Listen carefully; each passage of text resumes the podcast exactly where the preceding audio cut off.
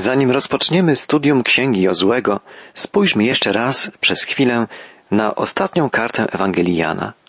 Mówiliśmy w czasie poprzedniej audycji o rozmowie Jezusa z Piotrem nad jeziorem Genezaret. Dzisiaj dowiemy się, jak rozmowa ta się zakończyła i jak kończy się w ogóle opowieść Ewangelii Jana. Jezus pytał Piotra, jak pamiętamy, trzykrotnie, Szymonie, miłujesz mnie? A potem polecił mu także trzykrotnie, paś moje owce. A później, na koniec, Jezus powiedział Piotrowi, zapewniam cię, gdy byłeś młodszy, sam sobie zaciągałeś pas i chodziłeś gdzie chciałeś. Ale gdy się zestarzejesz, wyciągniesz ręce, by kto inny cię opasał i prowadził tam, dokąd nie zechcesz pójść. Powiedział to, aby dać znać, jaką śmiercią Piotr przyczyni się do chwały Boga. Po tych słowach Jezus zwrócił się do niego, idź w moje ślady. Jezus zapowiedział Piotrowi, że zginie śmiercią męczeńską. Piotr powiedział kiedyś Jezusowi, że jest gotów oddać za niego życie. Nadejdzie pora, gdy będzie to potrzebne. Dalej czytamy, Piotr obejrzał się i spostrzegł, że idzie za nimi ukochany uczeń Jezusa. Podczas ostatniej wieczerzy spoczywał on blisko Jezusa i zadał mu pytanie, kto cię zdradzi? Tego właśnie ucznia zobaczył teraz Piotr i zapytał, Panie, a co stanie się z nim? Czy nie jest to całkiem ludzka reakcja? Piotr rozmawia z Jezusem. Widząc idącego za nimi Jana, pyta, a co stanie się z nim? Jezus odpowiedział, jeżeli zechcę, by on pozostał tu do mego przyjścia, to co tobie do tego?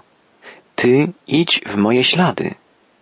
Jezus odpowiada, zobacz Piotrze, powiedziałem ci, co cię czeka. Nie martw się o Jana. Nawet gdyby miał on żyć aż do chwili, kiedy ponownie powrócę na ziemię, to nie twoja sprawa. Ty idź za mną. Dlatego rozeszła się wśród braci pogłoska, czytamy w końcowej części Ewangelii Jana, że ten uczeń nie umrze. Jednak Jezus nie powiedział mu, że nie umrze, lecz powiedział do Piotra, co ci do tego, jeśli zechcę, by on pozostał tu aż do mego przyjścia? On jest tym uczniem, który składa świadectwo o tych wydarzeniach, który napisał tę księgę. Jesteśmy przekonani, że świadectwo jego jest prawdziwe. Jezus nie wyjawił Piotrowi tego, jaki los czeka Jana. Jan pisał swoją Ewangelię, a więc i te słowa epilogu około setnego roku naszej ery. Był już więc w podeszłym wieku. Najprawdopodobniej jako jedyny z apostołów zmarł śmiercią naturalną. Piotr, jak głosi tradycja, został ukrzyżowany. Powieszono go na krzyżu głową w dół na jego prośbę, bo nie czuł się godny umierać w taki sam sposób jak Chrystus. Piotr napisał przedtem, jak czytamy w jego drugim liście apostolskim, Uważam za rzecz słuszną, dopóki jestem w tym ciele, pobudzać was przez przypominanie, wiedząc o tym, iż rychło trzeba mi będzie rozstać się z życiem, jak mi to Pan nasz Jezus Chrystus objawił. Najważniejsze i dla nas jest poznanie Bożej woli dla naszego życia. Bóg prowadzi każdego z nas indywidualnie. Dla każdego ma szczególne zadanie. Nie możemy wzorować się na kimkolwiek. Naszym życiem powinien kierować Bóg. Jan pisze w zakończeniu swej Ewangelii, że jego świadectwo jest prawdziwe. Opisał to, co przeżył, co widział i słyszał, w czym uczestniczył. Był bardzo blisko Jezusa. Był na górze przemienienia, był pod krzyżem, był w pustym grobie, rozmawiał ze zmartwychwstałym Panem. Tak, Jan jest wiarygodnym świadkiem. Jan pisze w ostatnim wierszu swej Ewangelii, Wiele jeszcze innych dzieł dokonał Jezus. Gdyby ktoś chciał opisać wszystko szczegółowo, sądzę, że cały świat nie pomieściłby tych wszystkich napisanych ksiąg. Tutaj Jan pisze prawdę, nie wyolbrzymia, nie przesadza. Cały świat nie pomieściłby ksiąg, które trzeba by napisać, gdyby chcieć szczegółowo opisać to, czego dokonał Jezus. Nie jesteśmy w stanie nie tylko opisać dzieł Chrystusa, ale i w pełni zrozumieć ich znaczenia. Jest wiele rzeczy, których nie wiemy lub których nie rozumiemy, nie jesteśmy w stanie pojąć. Ale to, co najistotniejsze, jesteśmy w stanie zrozumieć i przyjąć. Jezus jest Synem Boga, Zbawicielem świata. Jest tym, który zmarł na krzyżu dla Ciebie i dla mnie i który powstał z martwych, pokonując śmierć. Jeżeli chcemy żyć z Nim wiecznie, musimy pozwolić, by stał się Panem naszych serc, Panem naszych umysłów, Panem naszej woli. I musimy pokochać Go całym sercem, całym umysłem, ze wszystkich sił.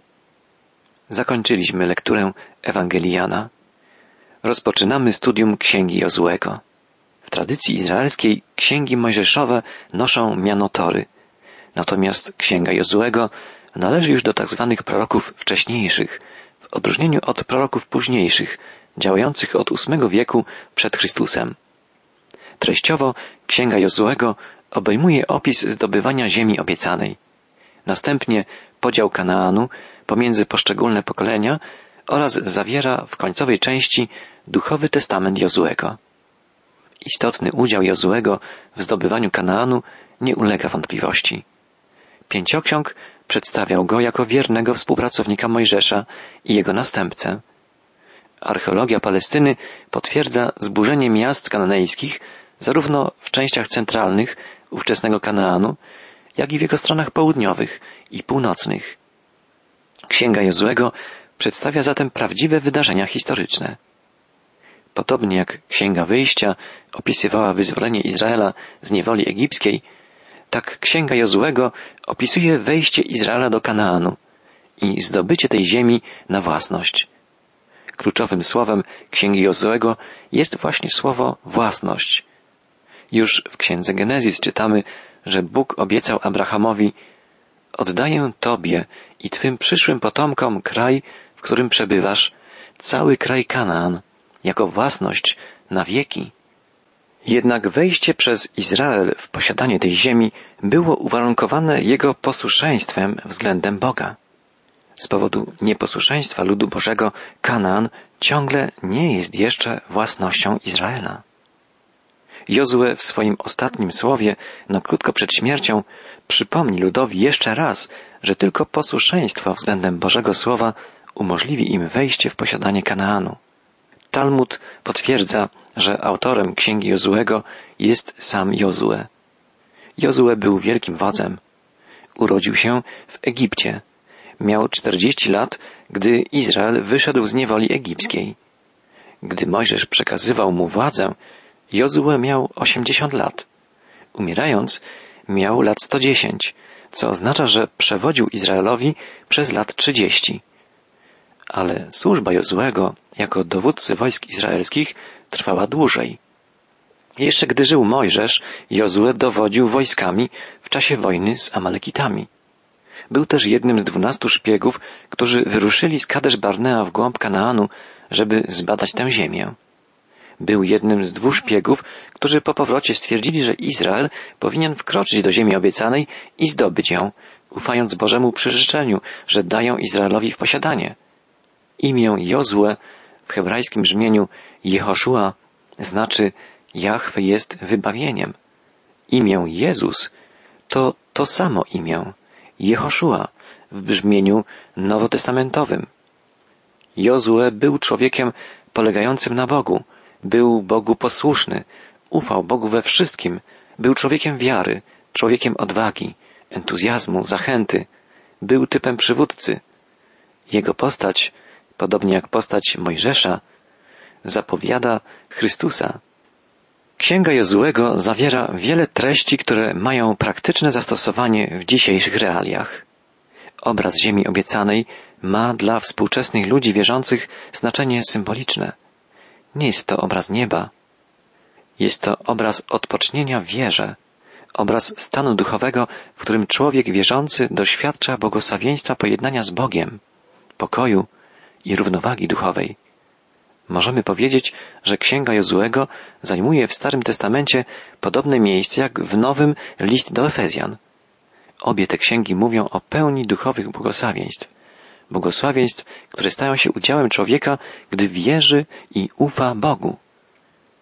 Księga Jozłego jest wielką ilustracją podstawowej biblijnej prawdy, że do odpocznienia w wierze nie można dojść dzięki własnym wysiłkom, ale jedynie w mocy Ducha Świętego, gdy powierzy się swoje życie Chrystusowi. Księga Jozuego obrazowo ukazuje sposób, w jaki wierzący człowiek wchodzi w posiadanie tego wszystkiego, co daje mu Bóg. W dwunastu początkowych rozdziałach Księgi Jozuego opisane jest wkroczenie Izraela do ziemi obiecanej. W dalszych rozdziałach od 13 do 21 mowa jest o podziale Kanaanu pomiędzy plemiona izraelskie. Zakończenie księgi to ostatnie słowa Jozuego skierowane do ludu. Testament Jozuego. Pierwszy rozdział księgi Jozuego rozpoczyna się słowami Po śmierci Mojżesza, sługi Pana, rzekł Pan do Jozuego, syna Nuna, pomocnika Mojżesza. Mojżesz, sługa mój, umarł. Teraz więc wstań, przepraw się przez ten oto Jordan, ty i cały ten lud, do ziemi, którą ja daję Izraelitom. Bóg przypomina, Mojżesz, mój sługa, umarł. Mojżesz reprezentuje prawo, a prawo nie jest w stanie nikogo zbawić. Boże prawo nie zbawia. Ono objawia grzech, ukazuje człowiekowi jego grzeszność. Mojżesz nie mógł wprowadzić Izraela do ziemi obiecanej. Popełnił błąd. Boże prawo jest doskonałe i święte. I nawet mały błąd sprawił, że Mojżesz nie mógł kroczyć do ziemi obiecanej. My także jesteśmy grzeszni, jak Mojżesz. My popełniamy wiele błędów. Dlatego prawo nigdy nie będzie pełnić roli naszego Zbawiciela, ale rolę duchowego zwierciadła, którym możemy zobaczyć swoją grzeszność, swój duchowy stan. Prawo ukazuje nam, że utraciliśmy chwałę Bożą. Mojżesz nie żyje. Jozue wprowadzi lud Boży do ziemi obiecanej. Jehoszua, Jezus, tylko On może wprowadzić nas w stan pojednania z Bogiem, w błogosławieństwo bliskiej, osobistej więzi z naszym Stwórcą i Panem. Bóg mówi Jozuemu teraz, teraz wstań i przepraw się przez ten oto Jordan, ty i cały ten lud, do ziemi, którą ja daję Izraelowi. Bóg daje Izraelowi tę ziemię. Przyrzekł ją Abrahamowi, a potem wielokrotnie potwierdził swoją obietnicę. Ta ziemia należy do Izraela. Każde miejsce, na które stąpi wasza noga, ja wam daję, jak zapowiedziałem Mojżeszowi, czytamy w trzecim wierszu. Bóg zapewnił o swojej wierności względem raz danej obietnicy także Mojżesza. W Księdze Powtórzonego Prawa, czyli piątej Księdze Mojżeszowej, gdzie opisane jest przymierze palestyńskie, Mojżesz na krótko przed śmiercią otrzymał jeszcze raz zapewnienie, że ziemia obiecana będzie własnością Izraela na wieki. Czytamy, że własnością Izraelitów stanie się każde miejsce, na które stąpi ich noga. To znaczy, że fakt posiadania danej im ziemi musi być potwierdzony ich działaniem, ich aktywnością. Muszą zająć, zagospodarować tę ziemię. Wtedy doświadczą pełnej radości z jej posiadania. To symboliczny obraz biblijnej prawdy sformułowanej w liście do Efezjan. Bóg obdarza nas w Chrystusie wszelkim duchowym błogosławieństwem niebios.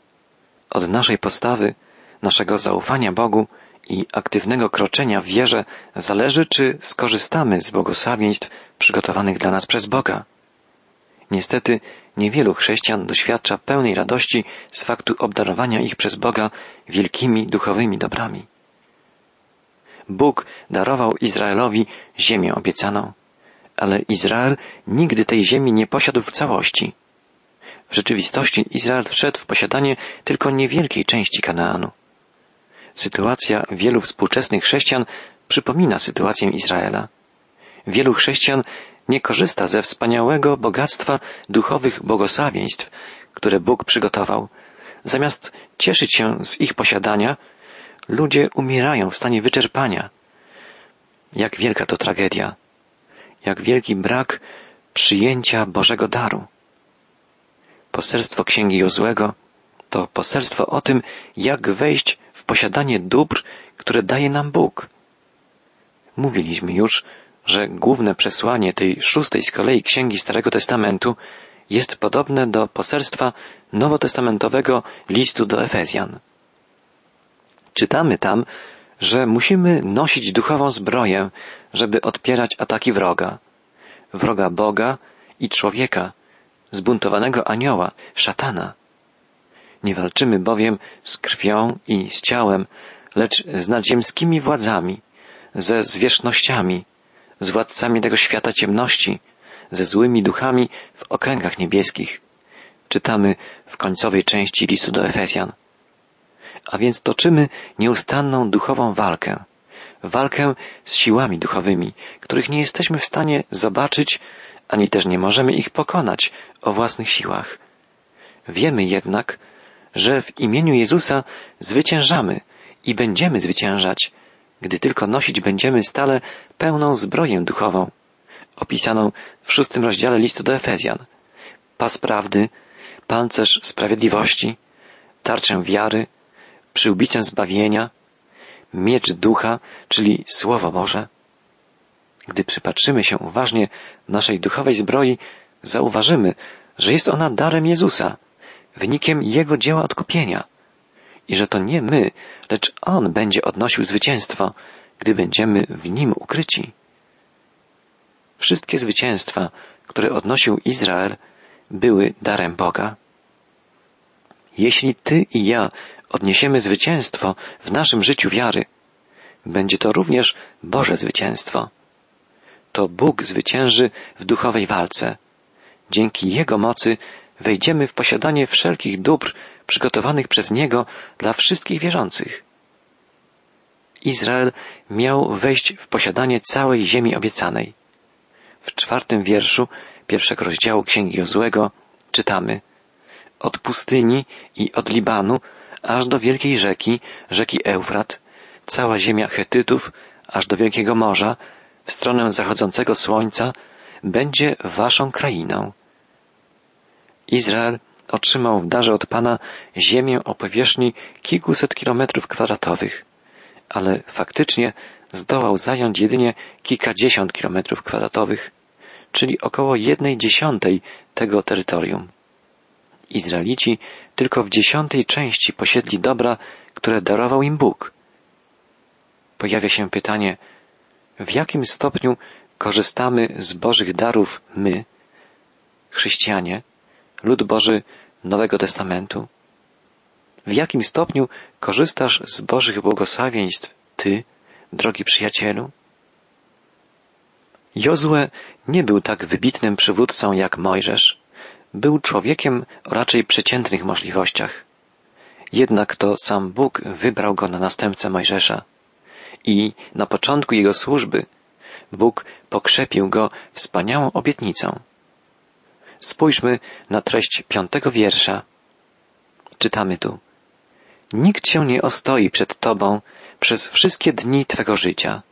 Jak byłem z Mojżeszem, tak będę z Tobą. Nie opuszczę Cię, ani nie porzucę.